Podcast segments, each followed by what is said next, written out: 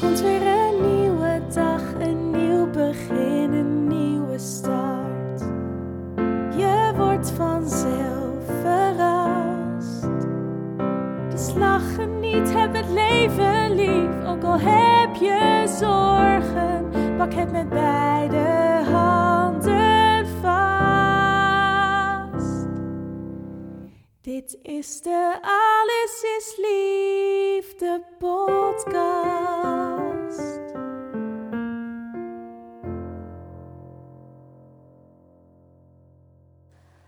Wat leuk dat je luistert naar de Alles is Liefde podcast. De podcast over liefde, seks en relaties. Mijn naam is Rianne Roes. Ik ben relatietherapeut en eigenaar van samenalleen.com. In deze podcast ga ik in gesprek met collega's uit het vak en raken we verschillende thema's aan. Thema's die betrekking hebben op het leven, de liefde, seks, relaties, de dood en alles wat er maar bij komt kijken. Ook zal ik af en toe iets delen over mijn eigen proces. Ik wens jullie heel veel luisterplezier, veel inspiratie en ik wil jullie bij deze alvast bedanken voor het luisteren en hopelijk tot een volgende keer.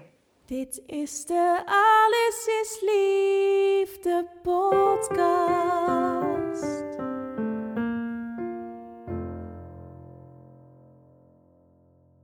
Hey, wat leuk dat je luistert naar weer een nieuwe aflevering van de Alles is Liefde podcast.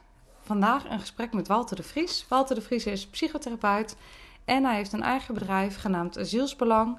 Daar heeft hij ook een website voor, www.zielsbelang.nl.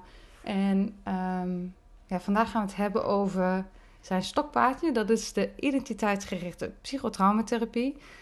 Ehm, naast dat we het gaan hebben over het werken met opstellingen, want dat hoort bij die methode, hebben we het ook over hoe ieder mens een traumadeel in zich heeft. Een overlevingsdeel en een gezond deel. Ehm, hoe de eerste duizend dagen van ons leven bepalend kunnen zijn voor hoe we in het latere leven omgaan met tegenslagen. Ehm, nou, eigenlijk komen er allerlei onderwerpen voorbij die gaan over hoe wij ons als mens ontwikkelen en ook hoe we ons als mens steeds meer ehm, kunnen ontdekken en hoe we ons ware zelf kunnen zijn. En daar gaan we het hebben vandaag, uh, vandaag over hebben in dit gesprek. Walter, wat fijn dat ik hier mag zijn, dankjewel. En zoals altijd begin ik met mijn allereerste beginvraag. Waar denk jij aan als ik zeg liefde? Aan genieten, denk ik dan.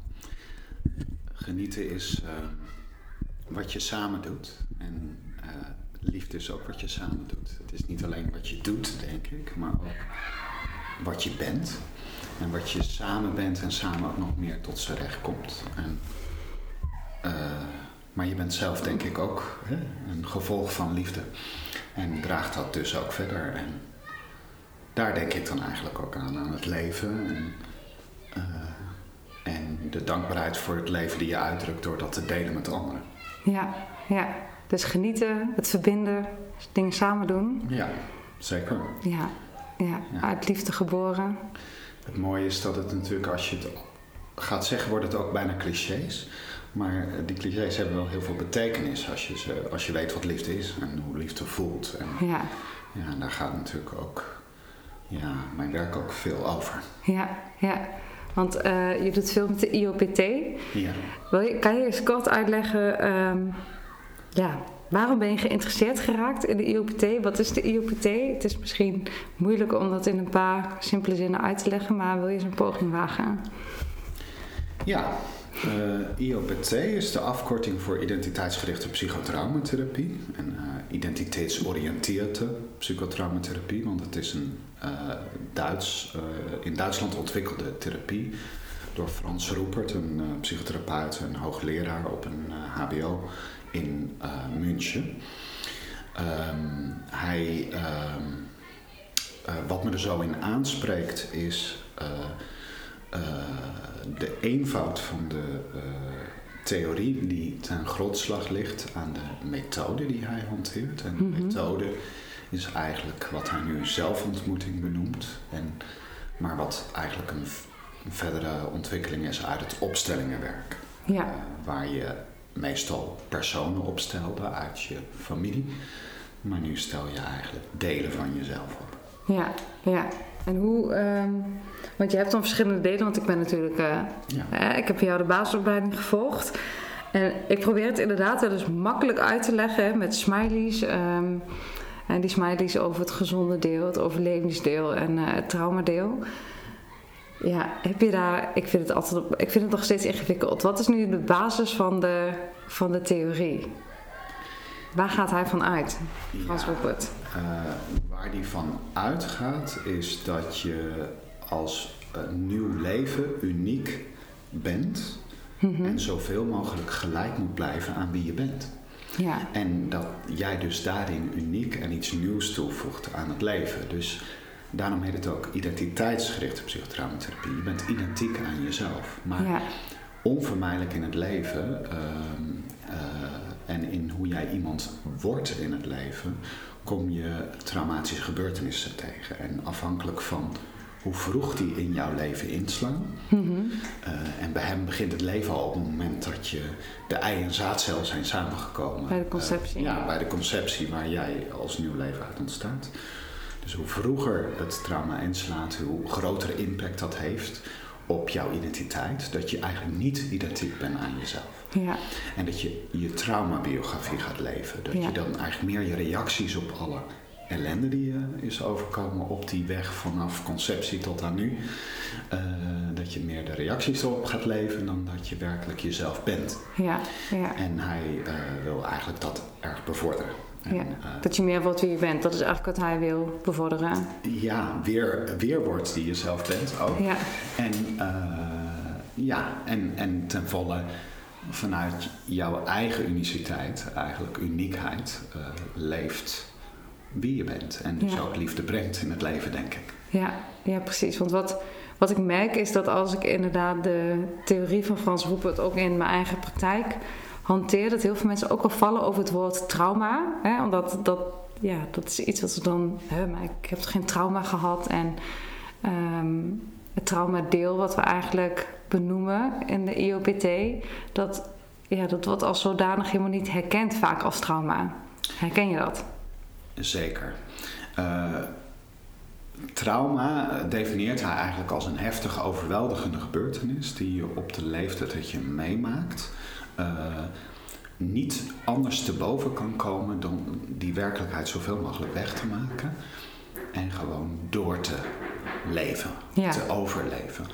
En dus het is een hele brede definitie van trauma en daar kan je natuurlijk eh, theoretisch allerlei bezwaren tegen hebben, eh, als je in dit vak werkt bijvoorbeeld of als wetenschapper.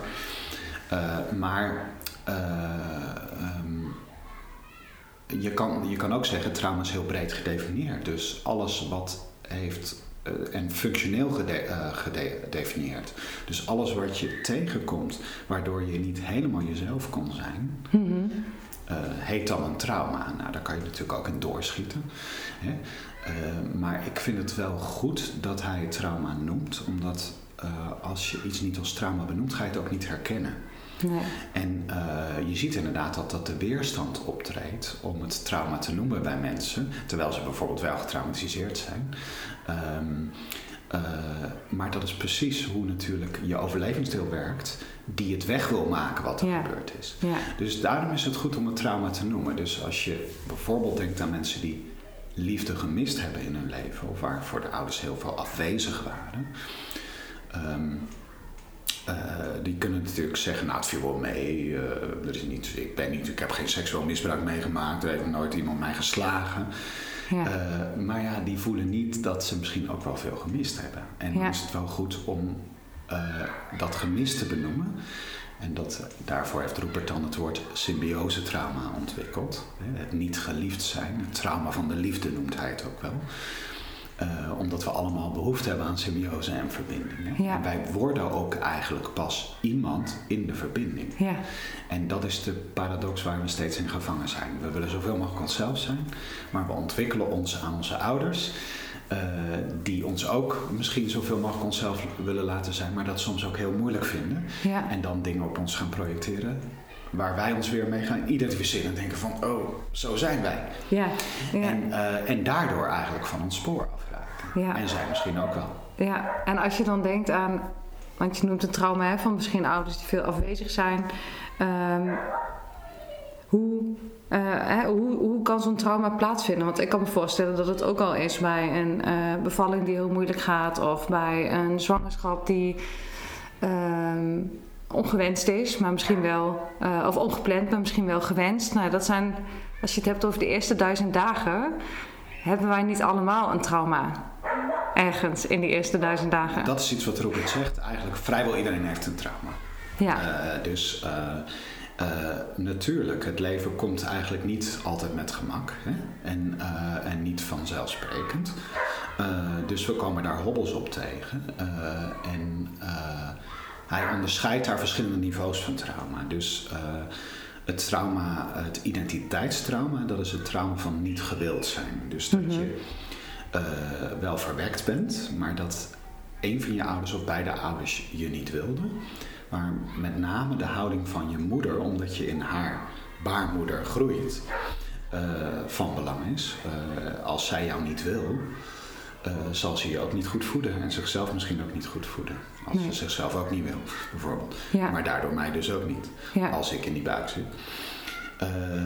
Dus het vroegste trauma, identiteitstrauma, dat is dat je eigenlijk je al moet splitsen. Want trauma betekent eigenlijk splitsingen. Je kan niet helemaal identiek zijn aan wie je bent.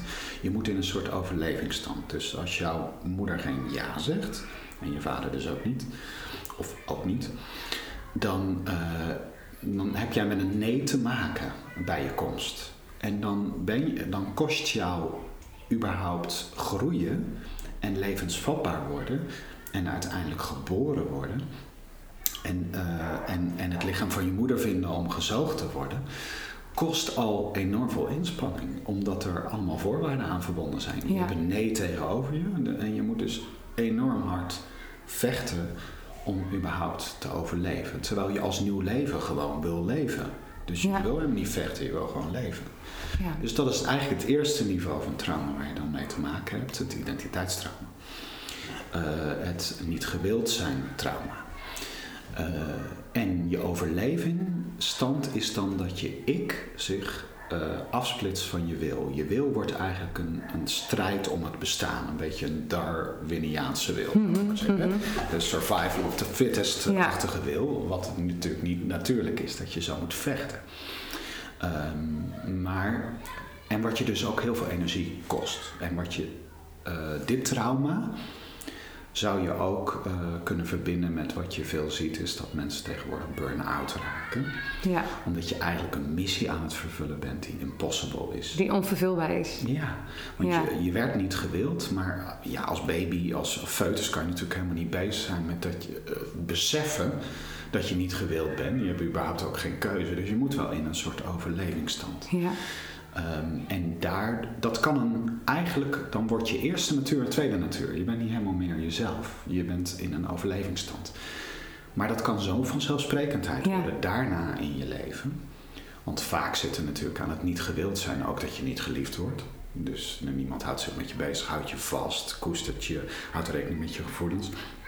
Dat je ook niet beschermd wordt. Dat op het moment dat jij de wereld gaat ontdekken, dat andere mensen je gaan eigenlijk uh, als instrument voor hun eigen doel gaan gebruiken. Dat noemen we dan het uh, niet uh, beschermd zijn trauma mm -hmm. of het trauma van de liefde. Hè, want dat gaat veel, vaak over seksueel misbruik, dat jij over jouw grenzen, fysieke grenzen wordt gegaan.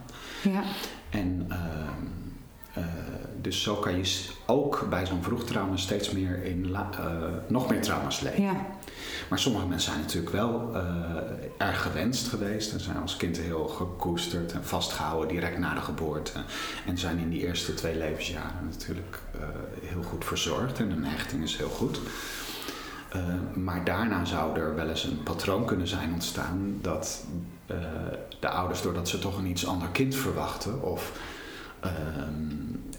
een mismatch in temperament bijvoorbeeld. Bijvoorbeeld een mismatch in temperament. Dus dat ze Um, maar misschien nog wel een mismatch in verwachtingen. Ja. Dus dat je een voorstelling hebt als ouders bij een kind en het kind is toch anders. En dat dat iets van jou vraagt wat je op grond van je eigen geschiedenis als moeder of als vader moeilijk vindt. Ja.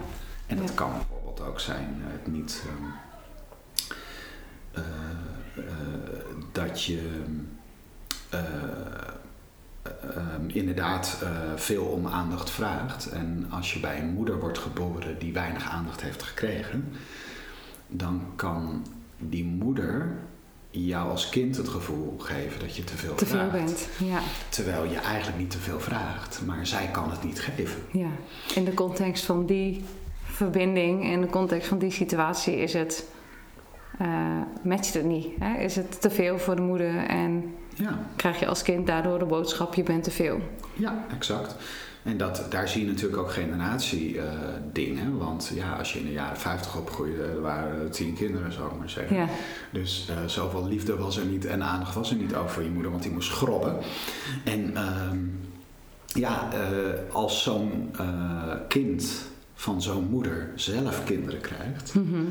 eh, dan kan je je natuurlijk voorstellen dat ze anders eh, kijkt naar een kind die eigenlijk heel veel aandacht vraagt. ja, En, eh, en de vraag is, kan je dan je afstemmen op dat kind en wat dat nodig heeft? Ja. Of ga je dan in je eigen film? ja, En als je in je eigen film gaat als moeder, dan is de verleiding groot dat jouw kind, die zo afhankelijk van jou is, zich gaat aanpassen aan jouw film. Die gaat denken, nou alleen als ik die film ga leven, word ik gezien door mijn moeder. maar dan En niet- leef je een geleend zelfbeeld En eigenlijk. dan le- leef je een geleend zelfbeeld. En Ja. eigenlijk, je zou kunnen zeggen, slik je de trauma's van je moeder in. Want die heeft zelf misschien wel van haar moeder heel veel gemist. Ja, En dan ga je zelf ook nog eens haar gemis voelen. En je voelt zelf ook nog het gemis dat je moeder je Ja. niet ziet. Dus Ja. dat is... eh, eh, zo leef je steeds minder eigenlijk je eigen identiteit. ja, en dat is denk ik ook wel iets wat in de loop van de jaren steeds belangrijker is geworden. Ook de eerste duizend dagen. En als ik kijk naar, ik ben opgegroeid op de boerderij en bij ons was het echt, ja, als je maar een bikkel was, als je niet ging huilen, als je niet te veel gedoe veroorzaakte, dan werd je eigenlijk heel erg becomplimenteerd. Dat was, dat was heel erg ook wat, wat eh, hè, dat je een kind niet te veel aandacht moet geven. Want als je een kind veel aandacht geeft, dan worden, worden het verwende kinderen. Ja. En dat is wel een overtuiging die natuurlijk heel erg deels cultuur, maar ook tijdgebonden eh, heel veel invloed heeft gehad. Dr. Spock heeft veel invloed gehad, bijvoorbeeld dat opvoedingsboek, over wat je dan wel of niet moest doen met kinderen. En daar hebben we allemaal mee te maken gehad. Want Ja. onze ouders zochten dan het nou vast. Hè? Ja, En de waarden en normen over werden minder vanzelfsprekend. eh, zo van dat het altijd op een bepaalde manier moest. Maar dat klopt eh, natuurlijk op een boerderij. Van, eh, er moet ook gewerkt worden, snap je? In hoeverre leven ouders wie zij zijn en wat zij willen? Mhm. Of leven ze meer wat zij moeten? ja, En ik denk, als zij meer leven wat ze willen, dan zijn ze als ouders ook per definitie meer beschikbaar voor jou als kind. Want dan zijn ze dat. En dan nemen ze ook vaak natuurlijk die kinderen mee op de Ja. boerderij. Ja. En dan zijn ze ook altijd bij hen. En eh, moeders die op het land werken, eh, dat wat je nu ook nog in Afrika ziet, die dragen hun kinderen op hun rug. Ja, En die zijn er dus altijd bij. ja, En dat je dan niet altijd die verantwoorde woordjes zegt, die misschien nou oververantwoord altijd tegen kinderen worden gezegd. Dat maakt dan denk ik minder Nee. uit. nee, ja, Het is wel dat je gewild bent en geliefd bent. ja, precies. En ook beschermd wordt. Hè? Wat niet betekent dat je eh, iemand geen eigen stootje mag hebben. En tegenwoordig iedereen eh, zijn kinderen naar alle hobby's eh, en sporten brengt in de, in de SUV, om het Ja. even zo te zeggen. Ja, dan slaat het weer de andere kant op door. natuurlijk de andere Ja, kant dan ben je ook niet, ga je ook niet leren dat je op eigen benen kan staan. Overgewenste kinderen zijn ook ondergewenste kinderen. Ja, Want die, die moeten een missie vervullen. En dat Ja. is de burn-out van de huidige generatie. Overgewenste kinderen. Maar niet geziene kinderen. Ja want hoe, hoe, hoe werkt die? Dat je zegt overgewenste kinderen, maar niet geziene kinderen. Zij, ehm, eh, eh, aan hun ouders kan het nooit liggen dat Ja. zij niet hebben kunnen leven wat ze konden leven. Want die ouders hebben alles gegeven. Gefaciliteerd, ja. Dus het ligt per definitie aan het kind. Ja, En het kind kan dus niet anders dan opgroeien in schuld. Ja, En, eh, en, eh, en dus zichzelf voor de kop slaan dat het niet de prestaties bereikt. Die ze van de ouders niet hoeven te bereiken hoor. Ze zijn helemaal vrij. Maar Maar- ondertussen voelen ze heel veel voorwaardelijkheid. ja, En dat klopt ook, want die ouders hebben een missie. ja, Die zijn hun kind meer aan het gebruiken om een ouderschap als identiteit aan te nemen. Mhm. Waardoor je eigenlijk je als kind als missie hebt om je ouder een goed gevoel te geven dat ze goede ouder zijn. Ja, En waardoor je niet met je eigen leven bezig kan zijn. ja, Zo subtiel kan het liggen. ja. Ja, dat geloof ik ook dat dat zo. En daarin kom ik eigenlijk ook wel mooi, vind ik, in, en ook confronterend, dat eh, je in deze methode, of het is eigenlijk meer ook gedachtegoed, eh, ook uitgaat van die slachtoffer-dadendynamiek en dat het eigenlijk een cirkel is. Hè, dat, je, dat ik als moeder per definitie eh, dader ben van eh, mijn kind. En dat mijn moeder dader is van mij en dat ik daarin slachtoffer ben. Of hoe. Ja, en dan kom je natuurlijk over. ehm, eh, het, klopt zeker dat je als moeder verantwoordelijk bent voor hoe je naar je kind gedraagt. Ja, En, en dat dat effecten op dat kind kan hebben. En eh, dan moet het in ieder geval duidelijk zijn dat jij daar de veroorzaker van bent. Ja. En dat je kind daar de dupe van is. ja, Ehm, het maakt natuurlijk een slok op een borrel uit als een moeder eh, gaat zeggen: dat had ik zo niet moeten doen. ja, Of eh, ik, het klopt, je hebt eigenlijk gelijk. Dus de spiegel aanneemt die ze terugkrijgen van die kinderen. dan als ouders dat niet doen. ja, Want dan gaan ouders zich opstellen als slachtoffer. In plaats van als degene die het gedaan heeft. ja, ja, En dat noemen we dan een slachtofferhouding. Dan gaat die een moeder bijvoorbeeld zeggen eh, van ik doe toch zo mijn best. Of Ja. die vader, ik werk toch zo hard voor het gezin. ja. Ja, wat kan je dan nog wel zeggen als kind, zou ik maar zeggen. ja je bent er niks tekort gekomen. Ja, eh, Ja. dat is dan een voorbeeld. Inderdaad, van die ja. nieuwe generatie is dat het eigenlijk zo. Van, eh, ja, ja, we, we werken ons uh, schompers voor jullie. We brengen jullie toch overal naartoe. ja, En ehm, terwijl als die ouders het onvermogen kunnen zien dat zij niet alles kunnen doen voor Precies. het kind, dan, dan hoeven ze ook niet zo krampachtig te, te doen alsof ze nooit iets fout doen. ja. En ehm, En ergens is het bevrijdend. Want ik vind het ergens ook een.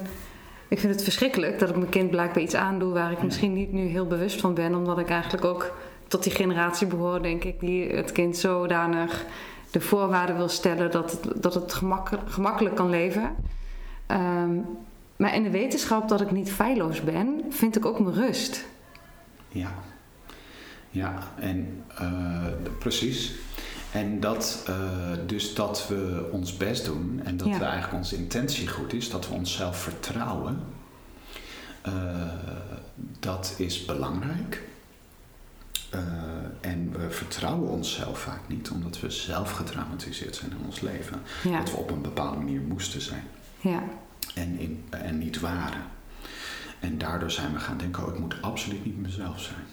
ja, En eh, dus vertrouwen we onszelf niet, terwijl eigenlijk ons lichaam in de actualiteit eigenlijk heel goed aangeeft. Hier ben ik, Ja. dit wil ik, Ja. zo voel ik me. ja, Dus vaak heeft eh, het eh, niet helemaal jezelf zijn ook te maken met dat je niet helemaal in je lichaam bent. ja, Dus het laatste boek van Frans Rupert, dat heet ook Mijn lichaam, mijn trauma, mijn ik. Waar, waarin hij eigenlijk de psychotraumatische oorsprong van lichamelijke klachten zoekt. ja, Zo dat Ja. mensen in hun lichaam letterlijk vastzitten eigenlijk. ja. Vanwege iets wat eh, mogelijk in de traumabiografie gespeeld heeft. Ja. En de overlevingsstand die eigenlijk in hun lijf is gaan zitten. Ja, want dat is eigenlijk heel kort gezegd en een beetje platgeslagen. Dat op het moment dat je ergens in je, nou laten we zeggen, de eerste duizend dagen van je leven, ga je ergens iets meemaken waardoor je je soort van aanpast aan wat er van jou verwacht in, eh, in je gezin van herkomst. En de mate waarin je daar last van hebt in je latere leven, dat hangt af van de grootte van de trauma, maar tegelijkertijd ook van hoe eh, je met jezelf eigenlijk in reflectie bent gegaan van, wat doe ik nou eigenlijk? Wat ben ik nou aan het doen en klopt dit met wie ik ben? Of roept dit heel veel tegenstrijdige gevoelens op die mogelijk dus terug te leiden zijn naar mijn ja, overlevingsdeel? Exact. Leef ik in vrijheid? Voel ik dat ik de dingen die ik doe kies Ja, en doe omdat ik dat wil?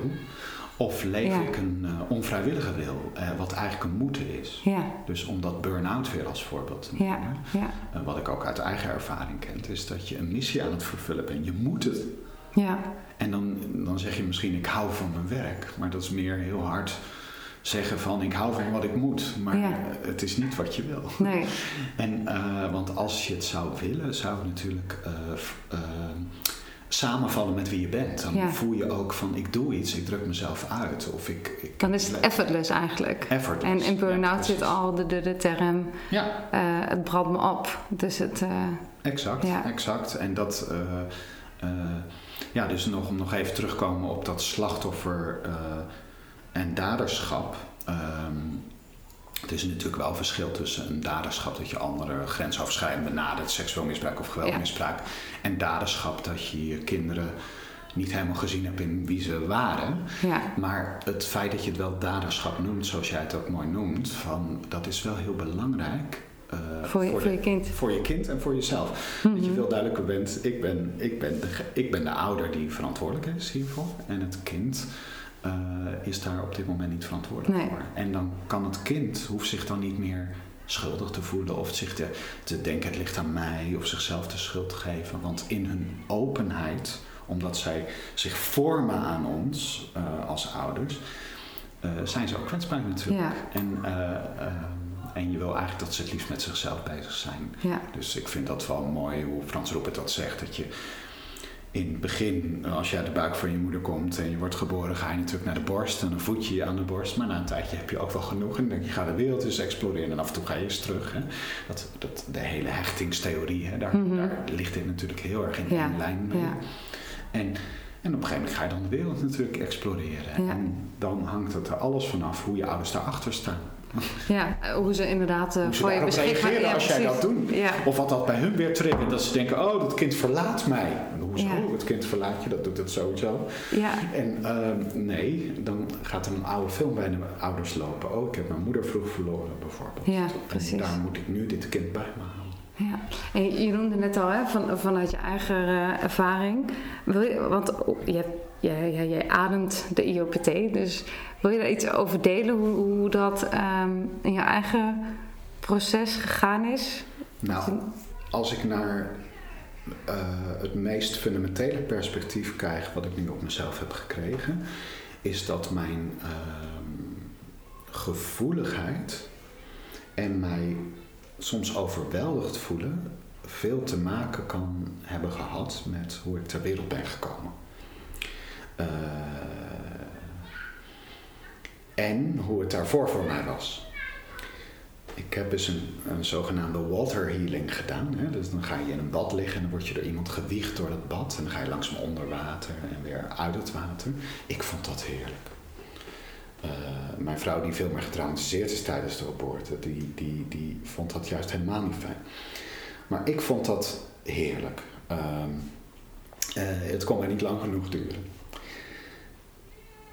Ik kwam twee weken te laat, zoals dat heet. Eh, en mijn moeder moest in het ziekenhuis bevallen. Maar ik, eh, ik kondigde dan mijn komst aan, maar daarna, daarna kwam ik toch niet. En kwamen er weer drie andere geboortes tussendoor. En werd mijn moeder weer weggeschoven in het bed. Ja, op een gegeven moment had ze geen tijd meer waarschijnlijk in het ziekenhuis. Of, eh, en mijn moeder had het ook wel gehad, die wist niet meer wat ze moest doen. Mhm. Dus die dacht, het moet maar, maar eens gebeuren. En toen ben ik dus met de tang gehaald. Ja, Ik denk dat ik uit dat warme bad in één keer in het leven gekukeld ben. Ja. En, en, en, en, en overspoeld was door de hoeveelheid prikkels die ik toen kreeg. En eh, mij daar krampachtig aan vast proberen te houden. Dat heeft ook gemaakt dat ik dromen ben gaan begrijpen die ik als kind heb gehad. Dat ik zweefde tussen driedimensionele blokken die zo heel snel op me afkwamen. En het beeld dat ik eh, met een navelstreng nog aan me over de wereld zweefde.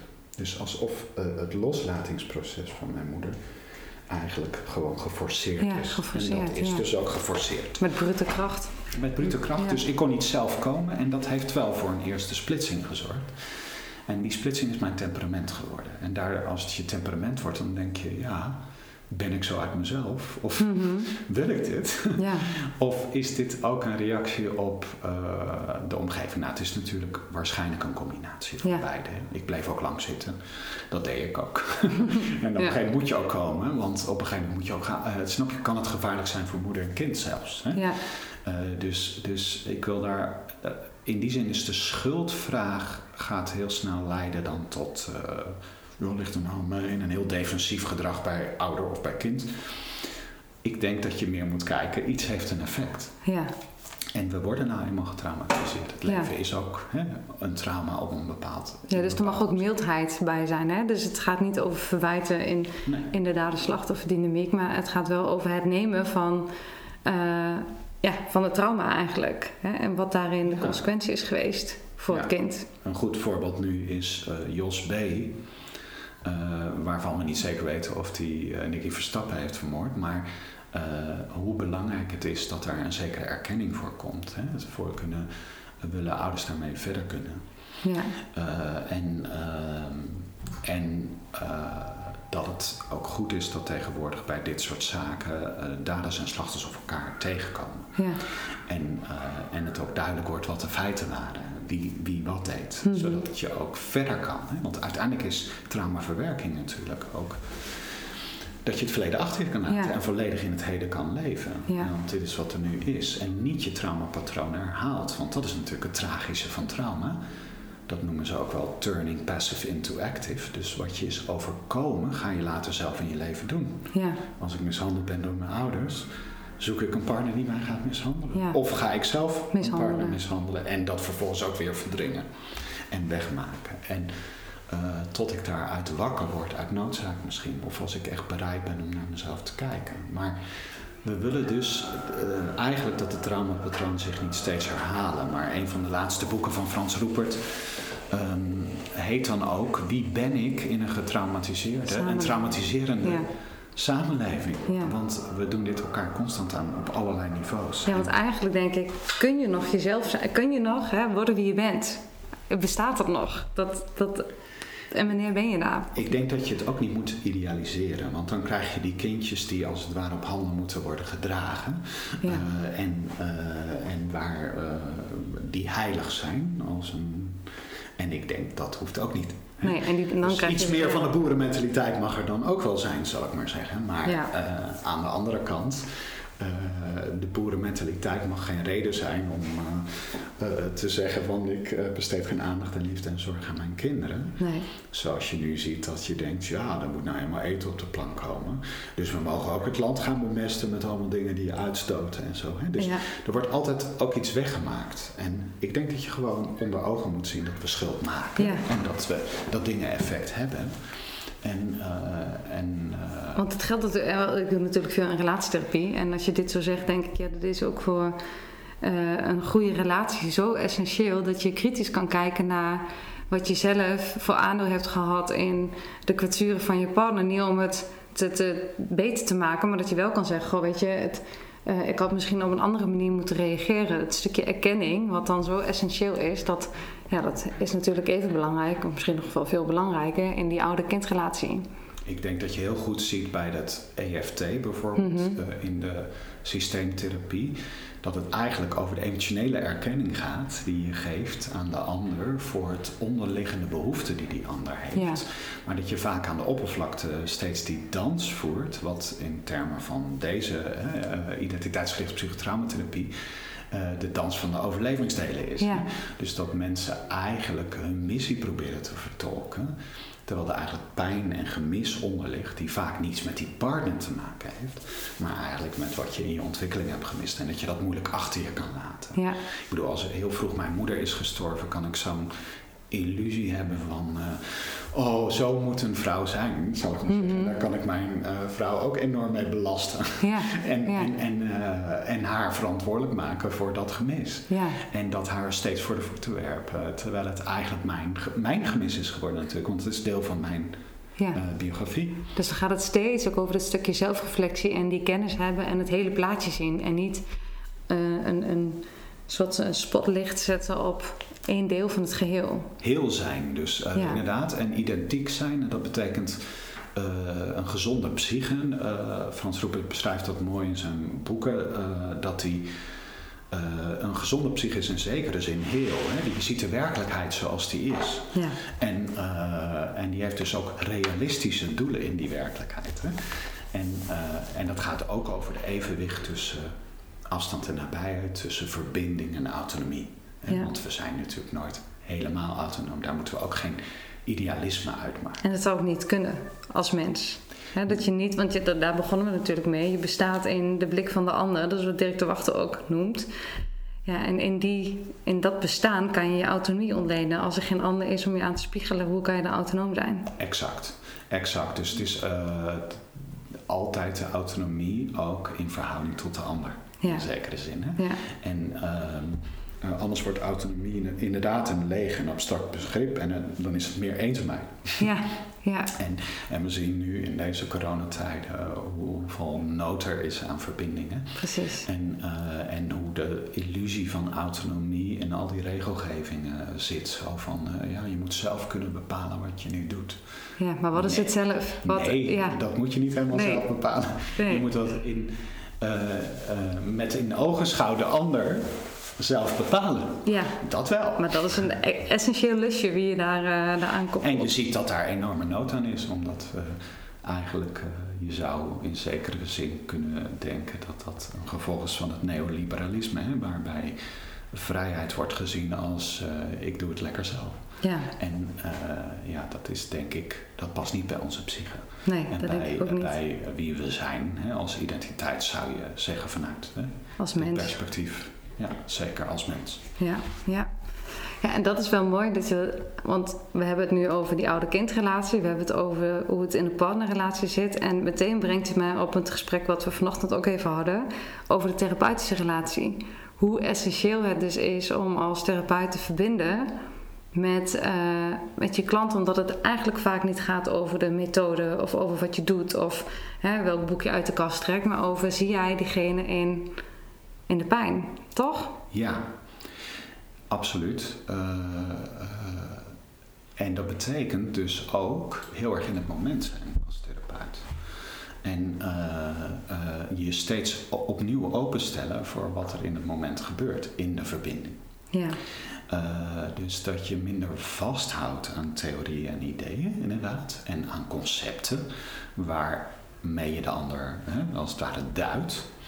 Maar dat je die concepten meer ziet, dat helpt mij tenminste, als een uh, fenomenologische waarheid, een waarheid in het moment. Ja. En die je direct daarna weer loslaat. En ja. uh, die soms heel erg kan passen. Uh, maar dat is toch een gezamenlijke zoektocht tussen jou Mhm. en je cliënt. En ik merk van de dingen die ik zeg in therapie, die worden gevormd in het contact. Ja. En in de verbinding. Dus ik zie die niet zozeer als mijn ding. Nee.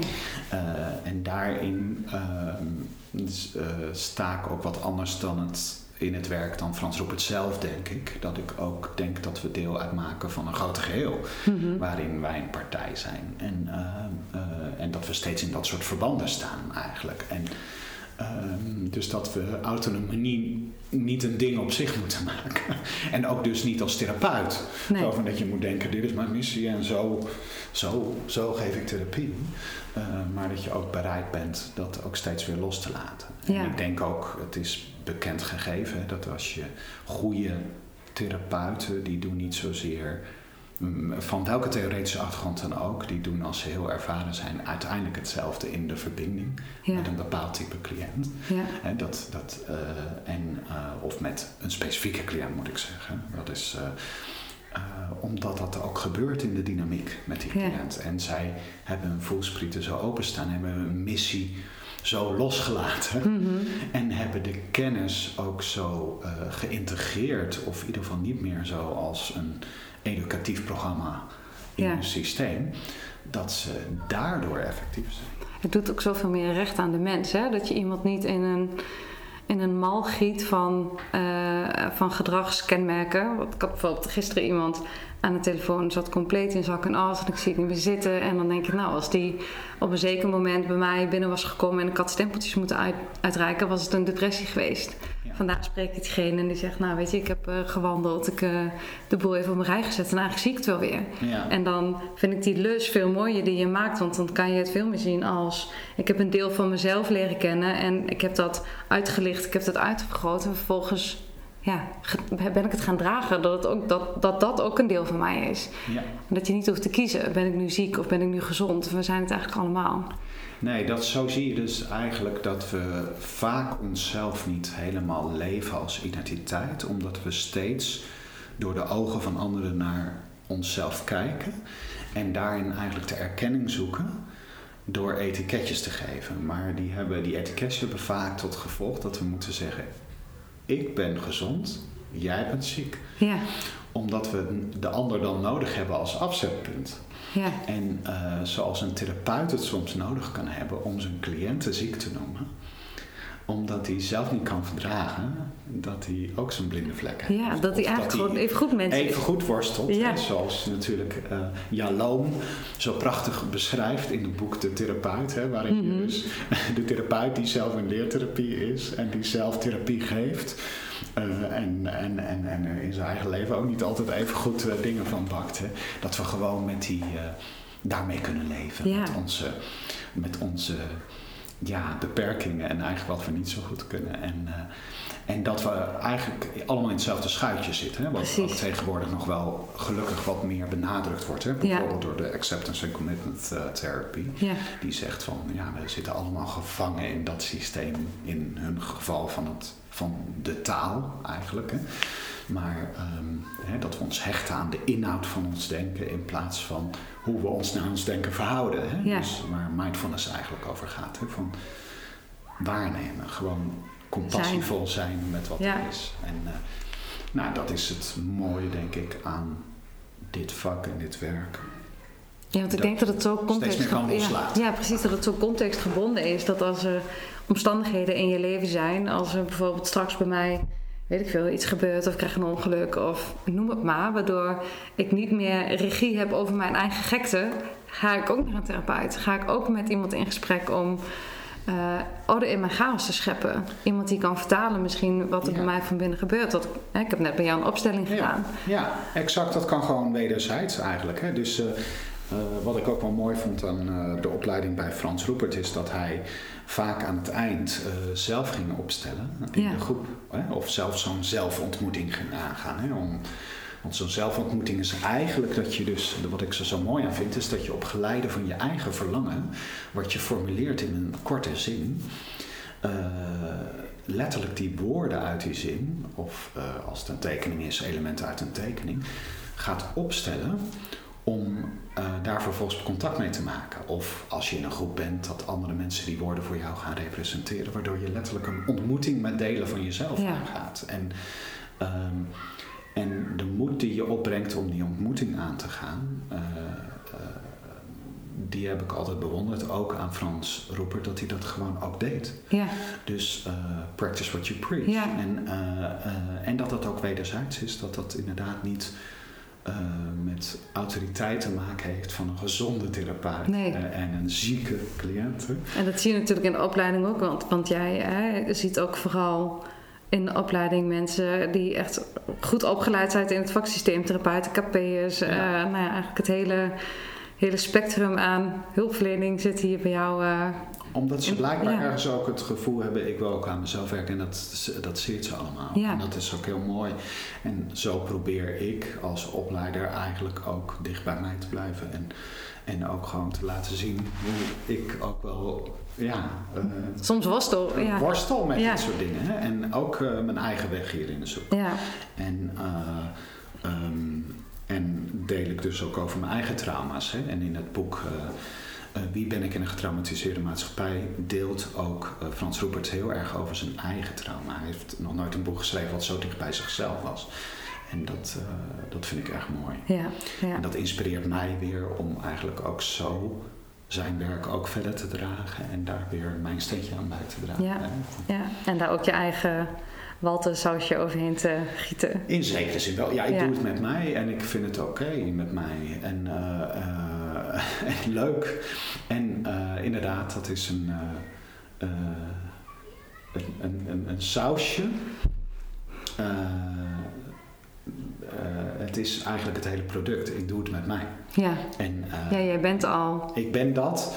Maar ik, ik vind het ook leuk om daarin vertolker te zijn van zijn gedachtegoed Ja. en dat te vertalen eigenlijk. Hè? Ja. Maar, want de GGZ, binnen de reguliere GGZ, die zo klassificerend en diagnosticerend denkt, eh, wordt er meer naar de gevolgen gekeken van problemen. Namelijk de depressie wordt dan behandeld, maar niet waarom is iemand nou depressief geworden? Ja. Het trauma. Dus Ja. eh, waardoor uiteindelijk cliënten ook vaak in de steek worden gelaten en eh, niet een zelfontmoeting kunnen aangaan waar een therapeut bij is, waarin ze het trauma in het gezicht kunnen zien. Ja. Dat wordt dan meer gezien als, nou dat mag je daarna zelf doen of zo. Dan lap je weer op en dan mag je dat zelf doen. Ja, bijna alsof het niet een deel van diegene is. Ja. Dat, dat, dat, Eigenlijk niet geïnteresseerd in de biografie van de ander. ja. En, en in diens traumabiografie in zekere zin. Maar, eh, en ook niet geïnteresseerd, geïnteresseerd in diens identiteit. Wie ze nou werkelijk zijn. Want ze Ja. worden gecategoriseerd al per definitie. Dus de splitsing die je ook weer doet. Dus hij ziet dit op samenlevingsniveau ook als een getraumatiseerde reactie. Als een Mhm. overlevingsreactie. Tegen het feit dat wij ons elkaar van alles aandoen. ja. En, en eigenlijk elkaar dus eh, als gevolg van onze individuele trauma's collectief eigenlijk allemaal constructen hebben gebouwd, overlevingsconstructen, omdat we eigenlijk nooit onze trauma's goed verwerkt hebben. En dat zie je op collectief niveau natuurlijk overal. ja.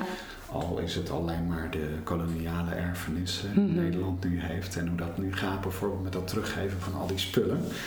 En, eh, eh, en de spiegels die de andere culturen in Nederland ons voorhouden Ja. en waar we niet zo graag in kijken.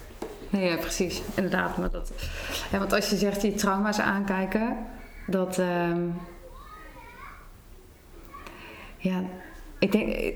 Ik, zit me dan zo dat voor. Is dit ook niet gewoon het gegeven wat er is? Gaan we dit ooit omkeren? Of hebben we het hier mee, mee te doen? Mm, Ieder kan alleen maar voor zich Mhm. eh, aan zijn eigen trauma's werken. Ja, En als iedereen voor zich dat doet, dan hopen we dat het langzaam een beetje beter wordt. ja, dan wordt het dat iets collectiefs. En dan wordt het uiteindelijk iets collectiefs. Ja. Dus het is een, eh, en dat vraagt om een soort bereidheid ook om eh, naar je eigen pijn te kijken. Ja. En dat is, we kijken per definitie niet graag naar pijn natuurlijk, want dat doet pijn. Ja, En daarom Ja. is dit werk echt ook wel. eh, je moet nou, je pijn aankijken om te kunnen genezen. Ja, en je bent deelgenoot van als je erbij bent en je bent re- resonantiepersoon in zo'n zelfontmoeting of je begeleidt zo'n zelfontmoeting, dan ben je ook bij die pijn aanwezig. Ja. En dat is ook pijnlijk. Ja, en dat is wel, want ik denk natuurlijk dat veel mensen uit het vak dit vak niet voor niks hebben gekozen. Dat, eh, ik ben niet van niks systeemtherapeut geworden. Dat heeft ook met mijn traumabiografie te maken. Ehm, dat juist de mensen in ons vak, als je zegt, gewoon laten we ergens beginnen met het collectief eh, opruimen van onze trauma's, dan zou je juist eigenlijk in onze vakgroepen precies in de juiste richting denken. Of, Zeker, maar wij maken ook onze identiteit uit ons vak. En in zekere zin zou je natuurlijk door jezelf therapeut te noemen, zit je eigenlijk in je overlevingsdeel. ja, Eh, omdat je een missie hebt je ouders te helpen en te redden. Waardoor je minder jou bent. ja, Want als je jou bent, zou je dan therapeut worden, omdat dat je vervult. Eh, gelukkig is dat ook zo. Snap je? Mhm. Geven mensen het ook gratis weg. Mhm. Die vinden dat, die komen daar juist in tot uitdrukking. ja. Eh, dus of in bepaalde aspecten is dat eigenlijk helemaal vrij. Maar in andere aspecten is dat natuurlijk veel onvrijer. En ik denk dat wij van therapeuten mogen verwachten dat ze naar hun blinde vlekken kijken, waarin ze hun werk uitoefenen op een manier waarin ze eigenlijk roofbouwen op hun cliënten plegen. Dus ze hebben een afhankelijk volk Mhm. nodig om Mhm. zelf hun identiteit staande te houden. Ja. En, eh, eh, en ik denk ook naarmate je langer dit vak doet, identificeer je je ook steeds meer met dat vak. ja. Waardoor je nooit in de andere stoel zit. Hè? En het doet mij inderdaad goed dat degenen die hier voor de opleiding komen, zoals jij, van dat, dat die ook naar zichzelf willen kijken, terwijl ze heel veel ervaring hebben. Ja. Ja, ja, en de IOPT is in die zin weer niet heel erg ehm ego-strelend voor de therapeut. Omdat het heel erg, dat is ook wat jij hè, wel steeds benoemt, het is een ontmoeting met jezelf. Ik doe misschien iets in de facilitering, maar uiteindelijk is het niet mijn eh, effort of mijn verdienste dat jij iets in jezelf kan helen eh, waar, het, waar het voor jou over gaat. Exact. Het is, eh, eh, iemand doet het zelf. Hè? Het is het zelfhelend vermogen en dat kan alleen maar opgeleiden van je eigen verlangen. Dus, maar je werkt dus ook alleen maar met iemand die een verlangen heeft. Mhm. En eh, dus die een zin kan formuleren wat hij graag wat- Wil. ja, wat, ligt na aan je hart? Het woord verlangen komt van anliegen. Anliegen is het Duitse woord voor aan de borst liggen bij je moeder. Ja. En anliggen is ook voor iets wat na aan je hart ligt. Of aan, hè? Dat, en, en als mensen geen verlangen hebben, kunnen ze ook niet veranderen. Dus mijn bewering is altijd, als wij nou eens in de GGZ zouden werken met mensen die echt een verlangen hebben, in plaats van overlevingsdelen te voeden, dan zou de GGZ niet zo vol zitten. Ja.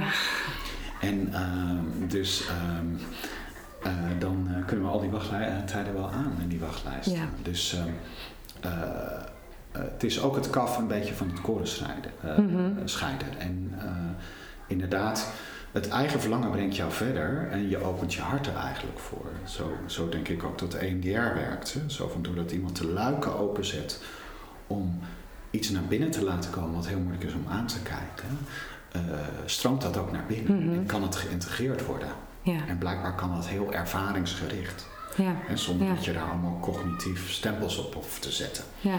En in zekere zin geldt het ook voor het opstellingenwerk. En het, eh, dus dit werk of het zelfontmoetingswerk. Dat je, je staat driedimensionaal in zo'n zelfontmoeting tussen jouw innerlijke delen. Ja. Je getraumatiseerde deel, dus het kleine kind in jou, het overlevingsdeel.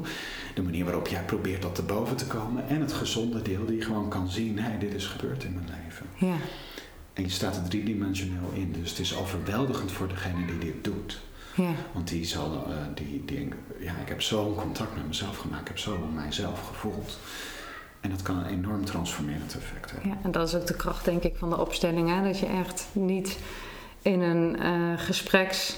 Hè, zoals wij nu een gesprek voeren, je- er wordt er omheen gesproken, maar het is met name ook echt het, het doen. Het driedimensionele wat je zegt.